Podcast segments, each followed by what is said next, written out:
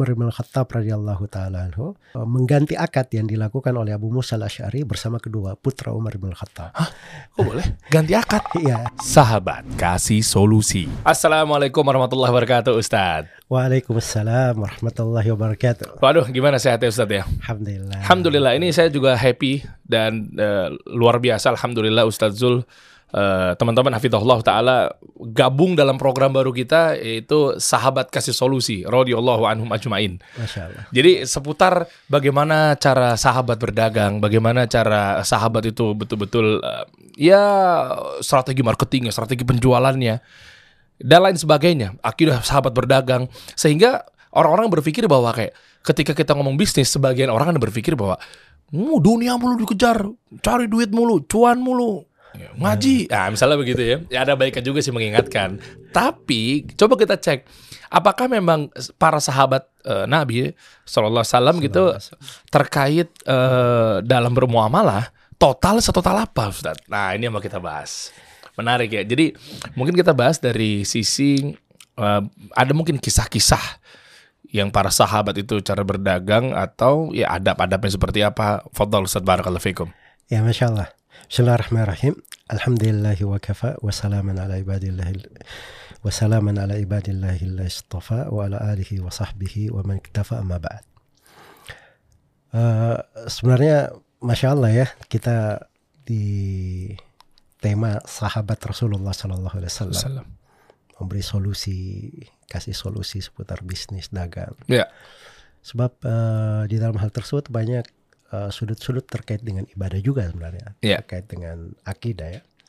Kan saya pernah sebutkan ya mungkin sudah beberapa kali saya sebut. Dan memang ini saya harapkan dipahami dengan dengan benar. Jadi para pokoha itu menyusun buku fikih itu kan menjadi empat bagian. Oke. bagian pertama fikih ibadah. Bagian yang kedua fikih muamalah jual Iya. beli. Bagian ketiga fikih tentang pernikahan dan apa yang terkait dengan nikah itu talak, khulu, dan sebagainya dan fikih yang keempat ah, ini yang terakhir yang keempat ini Ya. adalah fikih terkait dengan peradilan hukum-hukum dan oke. sebagainya. Nah, lihat seperempat yang kedua itu Mm-mm. setelah fikih ibadah Oke. seperempat yang kedua setelah fikih ibadah. Karena Ya. itu kata para ulama dari memberi hubungan muamalah itu bukan sekedar muamalah. Mm-mm. Seorang muamalah dia juga mencari pintu-pintu ibadah gitu di situ. Hmm, jadi nggak cuma sekedar berapa cuan yang didapat, marginnya gimana gitu ya? Ya nggak apa-apa itu kan wajar orang nyari cuan kan Iya. dalam bisnis orang cari untung. Tapi nilai ibadahnya itu harus selalu ada. Oke. Nah, termasuk dari program ini sebenarnya itu membangun sebuah akidah nilai ibadah besar sekali. Iya. Karena kecintaan kepada para sahabat Rasulullah SAW itu dia adalah ibadah keyakinan ya malah eh, Anas bin Malik radhiyallahu taala anhu ketika Rasulullah sallallahu alaihi wasallam bersabda almaru ma'aman ahabba seseorang itu bersama siapa yang dia cintai Hmm. kata Anas ini subhanallah saya dengar hadits ini itu kegembiraan saya yang terbesar dalam hidup saya setelah saya masuk Islam Masya Allah. ketika mendengar hadits ini. Karena saya dari sudut amalan saya tidak sanggup seperti Rasulullah, seperti Abu Bakar, seperti Umar. Tapi begitu Rasulullah berkata, orang dikumpulkan bersama siapa yang dia cintai, maka saya cinta kepada Allah, cinta kepada Rasulnya, cinta kepada Abu Bakar, cinta kepada Umar, cinta kepada Uthman, cinta kepada Ali. Ya. Saya berharap dikumpulkan bersama mereka di sorga, walaupun amalan saya tidak mencapai ke amalan mereka. Masya Allah. Ya, ya kan cakep kalau orang selalu ingat terhadap kehidupan para sahabat. Iya. Ya, apalagi mungkin itu di sektor kehidupan sering kita alami bahkan mungkin kita tidak bisa lepas dari hal itu. Ya, Ya. kita hidup kan perlu perlu ada transaksi, muamalah, bekerja, ya berproduksi supaya ada hasil yang Iya. dengannya seorang bisa hidup dengan baik, dengan tentram. Paling tidak dia tidak tadahkan tangannya kepada manusia. Masya Allah. Ya. Iya. Itu kan sudut-sudut ibadah cakep kan. Hmm. Ya makanya kehidupan para sahabat Rasulullah itu kalau kita bahas ada kehidupan mereka bersama Nabi Shallallahu Alaihi Wasallam dan ada kehidupan mereka antara sahabat dengan sahabat yang lain dan ada kehidupan para sahabat bersama para tabiin Hmm. murid-murid mereka. Nah, ini semuanya eh, di dalam kehidupan para sahabat itu mengandung uh, fikih yang mendalam. Oke. Sebab itu gambaran bagaimana mereka memahami Islam yang benar yang dibawa oleh Rasulullah Sallallahu Alaihi Wasallam. Ya, jadi kalau kita mengambil di sudut perniagaan, di sudut bisnis, bagaimana kehidupan para sahabat, maka itu insya Allah suatu hal yang luar biasa. Nah, ini untuk yang program yang kali ini insya Allah tayang setiap Sabtu ya. Buat teman-teman semua pastikan eh, jadwalkan gitu ya. Artinya nggak cuma dikasih solusi ini membahas mengenai podcast reguler bisnis, muamalah yang ilmu dunianya aja Zat. Tapi untuk lebih mantapnya, lebih tajamnya lagi, kita harus contek bagaimana cara para sahabat berdagang. Nah itu yang paling penting. Nah mungkin eh, yang Ana mau tanyakan begini Ustadz. Terkait dari sahabat eh, yang hidupnya berdampingan dengan Rasulullah SAW gitu ya kan yang anda dengar kan ada beberapa eh, apa ya mungkin bagian-bagiannya atau eh, keahlian-keahliannya. Ada yang memang sahabat ini menuntut ilmu ada yang ahli perang ada yang ahli berdagang gitu ya. Artinya masih juga ada muncul pertanyaan ketika oke yang ahli ilmu yang kita sering temukan riwayatnya Abu Hurairah radhiyallahu anhu gitu banyak banget. Ya kan? Mungkin lebih banyak sedikit dibanding Abdurrahman bin Auf Zubair bin Awam dan lain sebagainya. Nah, boleh tahu nggak, Ustaz, dari eh, f- kefokusan-kefokusan para sahabat menuntut ilmu, artinya ya untuk eh, spesifikasi mengenai dagang tuh betul-betul beliau tuh bagaimana caranya? Mungkin waktunya apakah 80% dagang, sisanya ngajar, majelis ilmu, atau seperti apa Ustaz? Artinya kan tetap juga dakwah juga, tetap juga istilahnya di majelis ilmu juga hadir juga. Ya. Bagaimana? Terutama yang khususnya untuk dagang-dagang Ustaz ya. Artinya eh, enggak juga kan yang total aja misalnya nuntut ilmu terus gitu misalnya. Eh, gimana Ustaz? Betul. Jadi sebe- sebenarnya seorang itu eh, diberi oleh Allah taufik dia di sebuah bidang dari Mm-mm. ibadah, ilmu. Itu anugerah pemberian Allah. Taib. Dia ada di suatu bidang dia menjaga keamanan kaum muslimin seperti Khalid bin Walid misalnya jagoan perang. Heeh. Itu juga anugerah dari Allah. Eh, sebagian sahabat punya keahlian untuk menata, memanage orang. Itu juga keahlian. Oke. Ya ada sebagian sahabat yang Masya Allah jenius di dalam melihat kondisi masyarakat, kemudian men- mencari solusi-solusi yang tepat. Oke. Nah, itu kan eh, juga anugerah dan pemberian. Jadi ada hal-hal yang baru dari hukum-hukum para sahabat itu muncul berdasarkan keperluan manusia. Ya seperti Umar bin Khattab radhiyallahu taala beliau tetapkan untuk menulis nama-nama orang yang hadir perang. Oh. Catatan diwan itu kan baru di masa Umar radhiyallahu taala anhu. Dan itu ada fikih Umar bin Khattab di dalam muamalah malia itu dicatat itu dalam satu buku risalah disertasi doktoral di, dibahas apa prestasi prestasi Umar bin Khattab dalam hal itu itu ada di Oh. kalangan para sahabat. Oke. Jadi maksudnya saya ingin menggambarkan bahwa di banyak bidang itu itu anugerah dan pemberian dari Allah. Eh, seorang mengarah kepada spesialis khusus Iya. itu kan pilihan hidup dan memang kadang harus fokus seperti itu. Ah, Ya. ini. Tapi bukan artinya di hal yang lain dia dia tidak memiliki hal yang lain. Misalnya Khalid bin Walid jagoan perang kan, Iya. spesialisnya di situ. Ah, ah. Ya. Tapi bukan artinya beliau mungkin eh, jangan ada yang berkata oh Khalid ini bukan ahli ibadah. Oh, perang mulu nih nggak ngaji-ngaji Ya, gitu. bukan ahli ilmu. Jangan dipahami seperti itu. Beliau menonjol di sini, tapi di sudut lain belum tentu. Hmm. Beliau nggak punya punya andil di situ atau punya anugerah yang Allah berikan kepadanya dalam hal Hmm. tersebut. Mungkin saja, tapi ada sebagian hal yang kadang seorang sahabat itu menonjol di hal tertentu. Kayak Abu Hurairah radhiyallahu taala anhu. Beliau menonjol di ilmu. Iya. Dan kelihatan di sirahnya bersama Nabi itu lebih banyak bersabar beliau mulazamah dengan Nabi.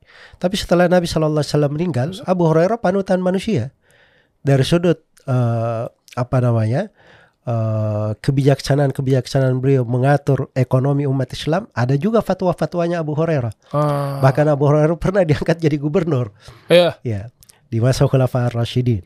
Jadi itu semuanya menunjukkan bahwa mereka ini punya keahlian dan skill di segala bidang sebenarnya. Cuman menonjol di hal tertentu itu ada di kalangan para sahabat radhiyallahu taala anhu. Jadi Nabi itu mendidik eh, para sahabatnya itu rata-rata para sahabat itu punya kemampuan untuk memimpin. Oke. Ya dan seorang pemimpin itu skillnya bukan skill orang yang dipimpin gitu kan, cuman punya skill satu dua. Ada sebagian orang dia cuman bisa satu saja. Kalau diganggu dengan hal yang lain nanti kacau ya satu ini. Ya. Tapi ada sebagian orang nggak dikasih satu dua nggak cerah hidupnya. Dia harus dikasih 10 kerjaan baru dia tenang. Nah itu kan skillnya lain lagi. Ya, ya, ya, ya. Ya, nah itu perlu ilmu, perlu pengaturan dan seterusnya. Jadi itu sebenarnya anugerah-anugerah yang Allah berikan kepada manusia. Heeh. Berbeda-beda pemberian Allah di dalam hal tersebut. Tapi kalau kita hidup membaca dari sirah para sahabat, kita akan temukan seluruh pemberian itu lengkap. Ah. Nah, itulah yang bagusnya Ya. kita pelajari di situ. Ya, ya, ya betul. Iya. Ya artinya bukan berarti yang memang lebih banyak cerita tentang berdagang, berbisnis kali ini ya kita fokuskan di eh, sahabat kasih solusi atau di program ini teman-teman. Eh, bukan yang oh yaudah kalau gitu nggak boleh kan nih total ngejar bisnis doang, dagang doang gitu ya.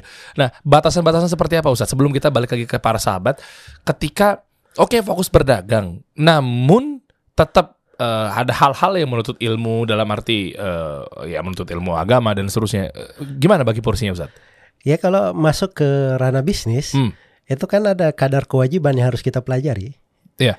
Jadi jangan bilang masuk bisnis so masuk aja. Ada hal yang wajib kita pelajari di Oke. situ. Paling tidak kita tahu hal-hal yang diharamkan dalam bisnis itu. Hmm. Jangan sampai kita berbuat hal yang diharamkan mendolimi orang nanti. Ya. Ya makanya Umar bin Khattab radhiyallahu taala anhu beliau pernah berkata yang mananya la yaqrabanna suqana man lam ya'rif ahkam riba. Jangan dekati pasar kami orang yang tidak tahu hukum-hukum riba. Hmm. Ya kalau dia nggak ngerti hukum riba, jangan dekat ke sini. Sebab dia nanti masuk bisnis pakai metode riba, dia berbuat kezaliman di tengah manusia, eh, bisa menyebabkan permusuhan. Uh. Dan lebih parah lagi, dikhawatirkan turun musibah dan malapetaka disebabkan karena dosa-dosa yang seperti itu. Ah. Nah, jadi itu di, di- itu kadar kewajiban namanya. Jadi kalau ingin masuk berbisnis, kita juga harus tahu bahwa kita ada kewajiban dalam bisnis itu. Wah. Kita harus ada paling tidak kita pelajari Betul. ya di dalam bisnis itu apa syarat-syarat jual beli, Betul. apa yang halal itu, apa yang diharamkan itu. Paling tidak kita pernah hadir satu pelajaran untuk itu. Dan itu sudah tegak hujah namanya. Nah, kalau ada masalah, memang nggak semua orang dituntut jadi ulama ya, jadi Hmm. ahli bisnis. Bisa-bisa nanti penuh nanti semuanya menjadi dewan pengawas syariah semua nanti. Iya iya Ya iya kan? betul. betul. Tapi maksudnya kalau ada masalah, tanya kepada orang yang punya ilmu di dalam hal itu. Fas'alu ahla dzikri in kuntum la ta'lamun. Tanya kepada orang yang berilmu kalau kalian tidak tahu. Wah. Ya kalau ada bisnis yang mau dia lakukan, kalau sifatnya personal, itu nggak ada masalah dia tanya kepada ustadz, kepada orang yang ahli, yang dia bisa eh, menitipkan agamanya ke orang yang dia tanya. Ada dia bertanggung jawabkan, ada hujahnya dia bertanggung jawabkan di depan Allah. Itu nggak ada masalah. Sebab orang ami yang awam tidak belajar, kalau dia bertanya kepada ustadz, maka hujah dia di hari kiamat ketika ditanya kenapa kamu berbuat seperti ini dia akan bilang ustadz ini yang ngajari saya Oh. gitu. Iya iya. Jadi kita iya, ini takut-takut juga sebenarnya kalau ngasih fatwa ke orang awam kita, ya. ya, ini ya. Karena seperti itu keadaannya.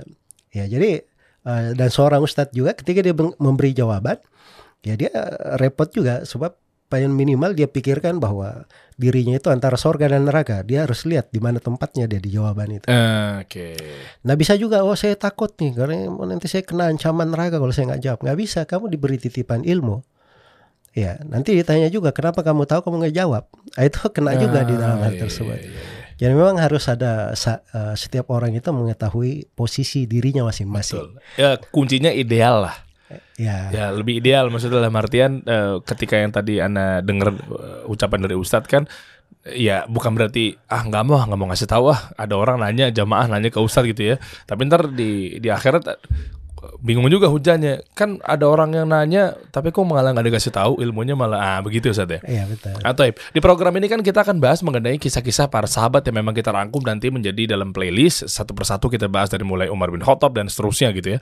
Eh, part by part lah Masing-masing nanti ada kisahnya bagaimana Uthman bin Affan, eh, bagaimana tentang eh, tadi Zubair bin Awam, Tolha dan seterusnya.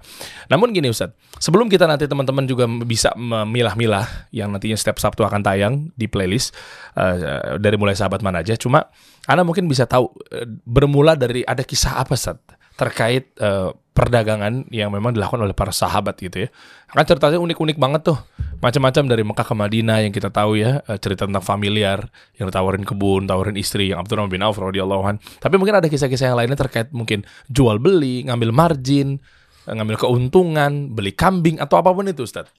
Ya itu pasti ada. Nah, Dan pasti akan lengkap. boleh tahu Ustaz? Ya sebab fikih muamalah kan semuanya diambil dari syariat. Dan Ya. syariat ini diajarkan oleh Rasulullah SAW. Salam.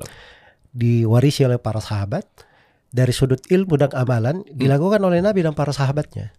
Jadi itu pasti ada terwarisi, ada di dalam kisah-kisah tersebut. Di dalam Al-Quran malah kita kan disuruh itu untuk apabila paida qadaitum paida qadiyatis salatu fantashiru fil ardi wabtagu min fadlillah. Kalau sholat Jumat sudah selesai, bertebaranlah di atas muka bumi dan carilah dari keutamaan Allah. Itu keutamaan Allah itu masuk di dalamnya dari sudut bisnis, dari sudut dagang. Setelah musim haji dikatakan uh, fadkurullaha uh, laisa alaikum junahun anta betagu fadlan min rabbikum. Tidak ada masalah kalian di musim haji itu cari keutamaan dari Rob kalian. Karena itu kata sebagian sahabat, musim haji itu ya memang waktu untuk berdagang. Oh, Ya, musim haji. oh, Karena waktu itu manusia datang dari segala penjuru dunia. ya, Ya kalau ada barang di situ, wah ini luar biasa. ya, ya. saya masih dapatin tuh, nah, saya pernah haji tahun 98. Hah. Saya masih dapatin tuh orang Rusia datang dengan mobil-mobil Rusia mereka. Jual barang-barang antik, barang-barang aneh. Saya sendiri belum pernah lihat tuh barang. Tapi harganya murah. Saya sempat beli itu karena tertariknya saya. Hah. Saya kan mahasiswa dari Yaman kan. Mau ke sana beli barang unik, saking tertariknya saya beli itu. Apa bentuk apa, Ustaz? Macam-macam ininya. Eh. Pening- Peninggalan-peninggalan perang, teropong. Oh gitu. Wah, aneh-aneh mereka jual barangnya. Tapi harganya bagus. Jadi maksudnya dalam di musim haji itu di masa dahulu seperti itu. Itu sudah sudah terbiasa sampai sekarang juga. Dia pergi haji masya Allah. Iya. Ketemu sebagian eh, murid-murid kita eh, ikut jemaah haji reguler. Hmm. Usaha laundry selama musim haji dia. usaha laundry. Kok bisa ente mikir? Sebab dia di Indonesia ternyata memang megang laundry itu idenya Ah. selalu ada selalu ketemu. Lihat ini para jemaah semuanya perlu laundry sama dia dibuatin manajemen laundry sambil haji sambil laundry dia. Loh, artinya nggak masalah ya teman-teman ya. Artinya kan ini yang masih menjadi tabu apa ya? eh, stigma lah. Orang-orang tuh alergi Ustaz. Gampang banget ya era-era sekarang yang mungkin mungkin ya ini nasihat buat saya pribadi ya dengan kurangnya ilmu apa segala macam ya. Ketika nanti udah ada unsur-unsur yang eh, nyerempet-nyerempet dikit gitu kan karena ibadah terus udah unsur dagang diselipinnya lagi. Wah, ente Oh, duit mulu nih yang dikejar nih, bisnis mulu, dunia mulu nih, yang begitu-begitu. Nah tadi nyatanya Anda baru dengar haji aja banyak yang ngambil peluang untuk berdagang loh. Ya kan dibolehkan. Nah iya iya iya, maksudnya itu Zat, tapi kan banyak yang mungkin belum nyampe. Apalagi kalau dengar kata haji dagang, ente gimana nih bahlul apa? Jadi ini salah lagi. Jadi saya kalau misalnya teman kita yang laundry tadi, saya pikiran saya orang yang perlu laundry. Ya, Ya jadi kalau itu kan dia bantu juga orang kan untuk memudahkan dia. ya. Mungkin ya. kalau setiap jemaah haji ini mereka cuci pakaian sendiri, setiap orang ambillah 15 menit cuci pakaian, terpotong waktunya ke masjid 15 menit ya, tiap hari kan. Ini saya bantu dia, laundrynya saya urusin, tapi dia bayar. Oh masya Allah, ilmu tuh teman-teman Iya. ya. Maksudnya niat-niat yang baik. Itulah Iya. tadi saya bilang polisan-polisan niat ibadah di dalam muamalah itu penting. Ya. Ada di situ. Kan bukan berarti juga lagi ibadah-ibadah yang lainnya juga nggak- ibadah gitu ya, Sat ya. Iya, betul. lagi haji bukan berarti giliran kita mungkin ya yang alergi lah, yang menyebutnya mungkin masih alergi seperti itu. Kalau anak yang coba tiba-tiba langsung buka laundry apa segala macamnya, udah tuh viral tuh, fotoin bukan ibadah lagi musim haji malah dagang, panjang tuh, begitu tuh. Nah inilah pentingnya ilmu teman-teman dilurusin di program ini, Iya, saya, fungsinya saya tuh ini itu. juga sebenarnya. Jadi beberapa tahun itu tiap haji kadang saya lupa bahwa saya punya potensi tertentu gitu. Hmm. Jadi saya itu kenal di sana perusahaan-perusahaan eh, kambing. Oh, Nah. Insya Allah. Mereka yang punya jual kambing langsung ini penjual awalnya. Hah. Jadi masalah di jemaah haji kita kan sering kena tipu juga sama orang-orang. Ayo sini saya urusin kambingnya. Ternyata dia nggak pergi sembeli. Atau dia sembeli sebelum waktunya. Ah, Atau begitu dia sembeli nggak benar pembagiannya. Oke. Jadi akhirnya saya berpikir wah ini gawat juga ini kalau kayak gini. Akhirnya saya bilangin sama sebagian teman-teman yang kalau ada yang perlu kambing, saya punya orang bagus. Hmm. Dia bisa ngurusin semuanya, saya jamin bagus. Akhirnya kan saya berbuat baik kan Iya. untuk supaya mereka benar ibadahnya, ketemu sama orang yang benar. Ya tapi memang di menghubungkan seperti itu ya pasti ada fee-nya sama mereka Hmm, kan. iya iyalah. Itu kan Jasa bisnis juga kan. Bisnis Iya. itu. Iya masa saya nggak ambil kan? Jadi maksudnya itu nggak nggak membebani. Ya saya cuman menyambung kabel saja. Iya. Ya tapi saya bisa niat dari niat itulah kita berusaha dapat hal yang baik. Tuh, Nah itu kan cakep juga. Iya dong. Kan ada up- ada keringat yang keluar di situ gitu ya. Masa nggak ambil sah-sah aja. Jadi banyak yang takutnya terlalu kenceng. Betul. Masa ngambil komisi Betul, betul. saat lagi begini. Nah, terus ada lagi kisah apa Ustaz yang terkait eh, Nabi SAW yang nyuruh sahabatnya beli kambing. Oh ya itu cakep mungkin Ah, untuk itu kita tuh. Cocok bahas nih, di pengusaha. pertemuan ini Heeh. di sesi perdana kita ini. Ya. Jadi kisahnya itu diriwayatkan oleh Imam Al-Bukhari. Ada juga di Sunan Nabi Daud, At-Tirmidzi, Ibnu Majah dan Musnad Imam Ahmad di beberapa tempat. Itu tentang sahabat yang mulia yang bernama Urwah Ibnu Ja'ad Al-Bakiri. Oke.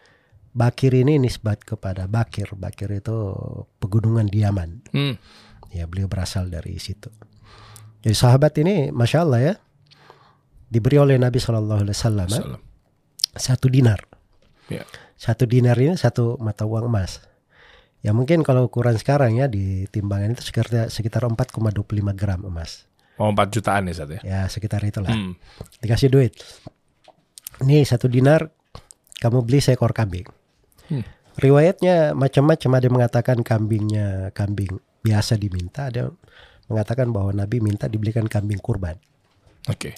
Ada eh, dua riwayat gitu. Ya tentunya itu berpengaruh di sudut hukum fikih juga ya. Di fikih kurban nanti akan disimpulkan bahwa eh, seorang itu bisa mewakilkan orang lain untuk berkurban Hmm. bagi dirinya. Oke. Ya, membeli hewan kurban untuk dirinya. Jadi Nabi titip, nih satu dinar, kamu belikan saya seekor kambing. Hmm. Urwa ini radhiyallahu taala anhu pergi beli kambing dengan keahlian dia eh, menawar. Uh. Harusnya satu dinar dapat satu ekor kambing saja. Dia satu dinar dapat dua ekor kambing. Loh, kok bisa? Ya, jago nawar dia. Oh, pedagang beliau, masya Allah. Berapa kambingnya? Tawar-tawar, masya Oh. Allah dapat dua. Nah, begitu dapat dua, dia bilang, ini kan Nabi cuma pesan satu, Iya. ya kan? Kebetulan di sebagian riwayat At-Tirmidzi, begitu dia dat, eh, membawa dua ekor kambing, tengah jalan ada pula yang nawarin kambingnya itu. Ah, Kata Urwa ini satu bisa kalau antum mau beli. Akhirnya terjadilah apa Transaksi. namanya, transaksi, negosiasi ya. negosiasi, hasilnya dijual dengan harga satu dinar juga. Wah keren. Ini pedagang ini. Mantap. Baliklah Urwa radhiyallahu taala anhu. Oke. Beliau balik kepada Rasulullah sallallahu alaihi wasallam, "Ya Rasulullah, ini kambing yang engkau pesan Hah. dan ini uangnya satu dinar juga balik." Hei. Rasulullah bertanya, "Gimana caranya?" Urwa pun bercerita Eh, apa yang dia lakukan. Kata Nabi Shallallahu Alaihi Wasallam, Barakallahu laka fi safqati yaminik. Semoga Allah berkahi untuk kamu pada setiap transaksi tanganmu itu. Masya Allah. Didoakan berkah. Langsung didoain sekaligus tuh. Itu di riwayat Al Bukhari dikatakan, Hmm. kata beliau, Fada'alahu bil baraka fi bai'i. Rasulullah doakan supaya dia diberkahi dalam seluruh transaksi jual belinya. Wa kana law ishtarat turaba la rabiha fihi. Dan Urwa ini, andai kata dia beli tanah untuk dia jual, dia pasti untung di tanah yang dia jual itu. Itu setelah didoain sama Nabi. Didoakan oleh Nabi. Udah makin mujarab itu tangannya. Masya Allah. Dengan atas izin Allah ya. Tentunya. Ya. Wow. Jadi maksudnya sekarang Rasulullah tahu Urwa menawarnya, menjualnya. Nggak diingkari oleh Nabi, malah didoain berberkah. Masya Allah. Ya. Kemudian keberkahan itu kan bukan berkah umum didoain oleh Nabi. Berkah di dalam transaksi jual belinya. Ajib. Artinya secara secara tidak langsung Nabi menganjurkan supaya dia berdagang, Iya. berniaga kan begitu. Iya, memang fokusnya beliau di situ tuh. Udah tajemin aja kata Rasul mungkin begitu kali ya. Jadi doakan berberkah dan subhanallah Urwa ini beliau di biografinya itu bukan cuma disebut berniaga saja. Wah. Malah di Kufa beliau terkenal sebagai qadi, hakim di pengadilan. Wah. Ya. Jadi punya kecerdasan, punya fikih Di dalam ya, hal tersebut. Karena itu memang kalau ingin berbisnis ya bisnis pebisnis yang paling bagus itu dia belajar juga. ya. Semua orang yang saya baca juga ya para pebisnis yang sukses di masa uh, sekarang dan sebelumnya, muslim maupun non muslim, Ya. ya itu bertemu pada satu titik. Mereka itu tidak katak dalam tempurung di situ saja Ya. punya skill, bisa berkembang, dan mereka juga belajar cara Hmm. mengembangkan potensi dan belajar juga dari orang lain. Itu ilmu namanya. Nah, Jadi kalau seorang belajar ilmu bisnis ditambah dia punya pengetahuan ilmu agamanya, itu akan lebih sempurna, eh, insya Allah taala di dalam bertransaksi. Masya Allah. Ya. Masya Allah, barakallahu fikum. Keren ya. Jadi artinya ternyata di di kalangan para sahabat sampai ada yang Rasulullah SAW juga doakan melihat potensi bahwa ini betul-betul wah ini dagang banget nih, emang jago bisnis nih. Nah, Ya sebenarnya hadits ini kalau Hmm. kita mau kaji dari sudut kandungan, banyak kandungannya yang subhanallah menarik ya dan patut kita renungi sebenarnya. ya boleh Ustaz.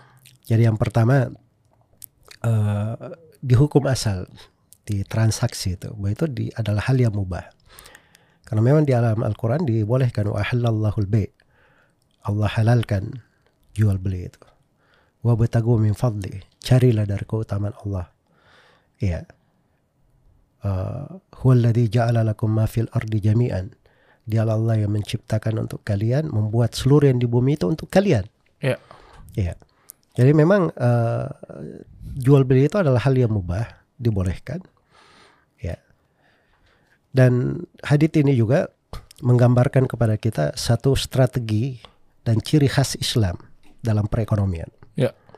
Bahwa perekonomian Islam itu sifatnya bebas terikat. Ya. Oke. Hurriya ada hurriya, Hmm. kebebasan. Tapi bukan hurriya mutlakah. Kebebasan tidak ada ikatannya. Hmm. Dia kebebasan tapi terikat dengan syariat. Terikat dengan ketentuan-ketentuan yang dicintai dan diridhai oleh Allah. Tidak ada pelanggaran. Hmm. Karena itu Urwa dikasih duit oleh Nabi satu dinar, dia bertransaksi. Dia nggak dia nggak perlu datang ke mana Nabi. Ya Rasulullah saya bisa nggak beli dua atau ini saya Hmm. niatin. Hmm. Ya. Karena itu sudah dimaklumi dari sudut perekonomian Islam, seorang namanya bertransaksi, dia boleh bertindak apa saja. Diberi kebebasan. Tetapi satu, jangan melanggar syariat. Hmm. itu Ya, maksudnya ya. kebebasan terikat. Oke. Dan itu ciri dari perekonomian Islam. Dan di sudut perekonomian itu, Hmm. itu harus ada pergerakan. Ya, harus ada pergerakan. Nah, itu baru stabil di dalam kehidupan. Iya. Ada produktivitas, ada yang eh, memproduksi, ada produknya, ada yang membeli produk ini. Hmm. Kan begitu. Hmm. Ada yang punya barang, kemudian ada yang membelinya. Ada yang punya ternak, dia kembang biakan, menghasilkan, ya eh, berkembang biak, semakin banyak nilai Hmm. hartanya. Iya. Nah, itu kan ada di berjalan di tengah para sahabat Rasulullah Sallallahu alaihi wasallam. Oh itu dia. Itu kita akan lihat nanti di kisah-kisah para sahabat yang akan datang insya Allah akan tergambar jelas Hmm. bahwa para sahabat itu masya Allah kehidupannya itu lengkap dengan dengan agama Islam yang diajarkan oleh Rasulullah Sallallahu Alaihi Wasallam kepada mereka. Ya, makanya eh, Nabi itu kan pernah eh, turun kepada beliau ayat dan ayat ini teguran untuk sahabatnya.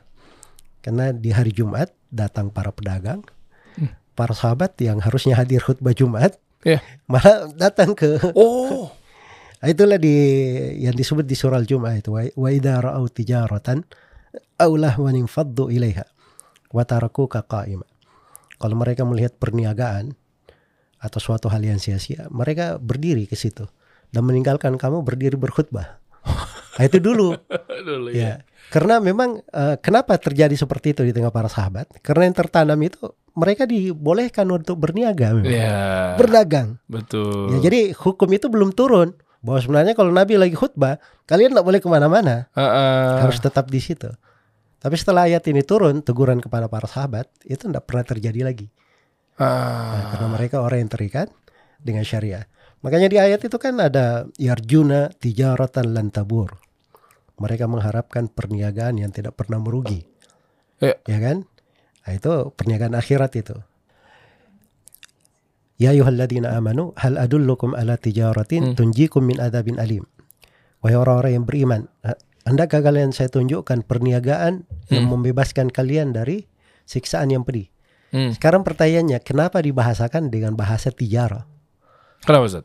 Ya karena kata perniagaan itu sudah familiar di tengah orang. Ah. Jadi orang kan kenalnya perniagaan yang biasa itu, Iya. ya, yang dimaklumi. Iya, Nah, iya. Maka datanglah syariat mengingatkan ada sudut perniagaan yang lain. Lebih menguntungkan daripada itu, dan ini perniagaan tidak pernah merugi, ini perniagaan membebaskan dari siksaan yang pedih. Nah, itu Ah, perniagaan oke. bentuk yang lain. Iya, Jadi iya, iya. akhirnya lengkap kehidupannya umat Islam. Ah. Selain daripada menguasai perniagaan yang bersifat dunia, mereka juga kuasai perniagaan akhirat. Dua jenis perniagaan dia kuasai. Masya Ya. Allah. Jadi itulah keindahan di di dalam syariat. Karena itu Rasulullah SAW ketika melihat Urwa berniaga bertransaksi seperti ini itu didukung dengan didoakan, Ah, oke. diberi keberkahan. Apa didoakan supaya diberi keberkahan? Eh. Ya oleh Allah Subhanahu wa taala. Dan doa Nabi sallallahu alaihi wasallam terkabulkan. Oh, langsung. Masya Allah. Masya Allah. Nah, itu kehidupan Urwah radhiyallahu taala. Kemudian di dalam hadits ini juga terdapat eh, hukum-hukum terkait dengan wakala, perwakilan. Tapi ini kayaknya pembahasan panjang juga kalau mau diuraikan ya, subter wakala, bentuk-bentuknya, Ah. hukum-hukumnya, apalagi bentuk-bentuk kekinian yang sekarang ini. Ah, oke. Ini barangkali di kisah-kisah yang lain. Boleh Ustadz, menarik nih ya. Jadi insya Allah setiap Sabtu teman-teman pantengin aja ya. Kenapa? Karena ada macam-macam tuh kisah-kisahnya. Ini baru kisah Urwah nih. Ya kan? An. Ah, ada lagi mungkin kisah yang Umar bin Khattab radhiyallahu an ada juga ya Ustadz ya. Ya, Kita Banyak, bahas kita bahas nanti next week aja Sabtu depan ya Ustadz ya. ya eh, sebenarnya kisah tentang dari Umar itu Eh. banyak sekali. Mungkin satu sedikit depannya aja nanti versi lengkapnya mungkin teman-teman bisa nonton di Sabtu depan. Yang kisahnya mana Ustadz? Yang yang yang yang Ya nanti kita akan ceritakan sebuah riwayat di Muwatta Imam Malik. Ya. Di di mana uh, Umar bin Khattab radhiyallahu taala anhu itu uh, uh, mengganti akad yang dilakukan oleh Abu Musa al-Asy'ari bersama kedua putra Umar bin Khattab. Kok boleh? Ganti akad. Iya. Jadi itu akan datang nanti. Itu versinya banyak karena kita akan bicara masalah uh, politik pemerintah dalam pengaturan dagang Ah, juga ada fikih di dalam uh, akad itu uh, kadang perlu di- dibenarkan sesuai dengan syariat kalau bisa dibenarkan. oh. Kita akan akan datang insya Allah. Oh ternyata akad udah terjadi transaksi, udah akadnya misalnya akad A gitu. Eh, Transaksi sudah berjalan, apa belum berjalan? Sudah berjalan. Sudah berjalan. Tapi sudah, dirubah akad tiba-tiba. Iya, Boleh. boleh karena uh, ada amanat tertentu yang terkait dengan pembolehan itu. Ah, Oke lah kita cari tahu lah. Kenapa kok bisa boleh akad itu berubah? Nah ini pentingnya ilmu ya, terutama kita harus para pengusaha nih harus paham nih fikih muamalah seperti Iya. apa. Bahkan itu adalah langsung dari eh, Am- Umar bin Khattab ketika menjauh sebagai Amirul Mukminin. Iya betul. Wow, seperti apa kisahnya teman-teman? Nah kita tunggu di Sabtu depan. Syukur Ustaz, Ya, jazakallah khair. fiik. Sahabat kasih solusi.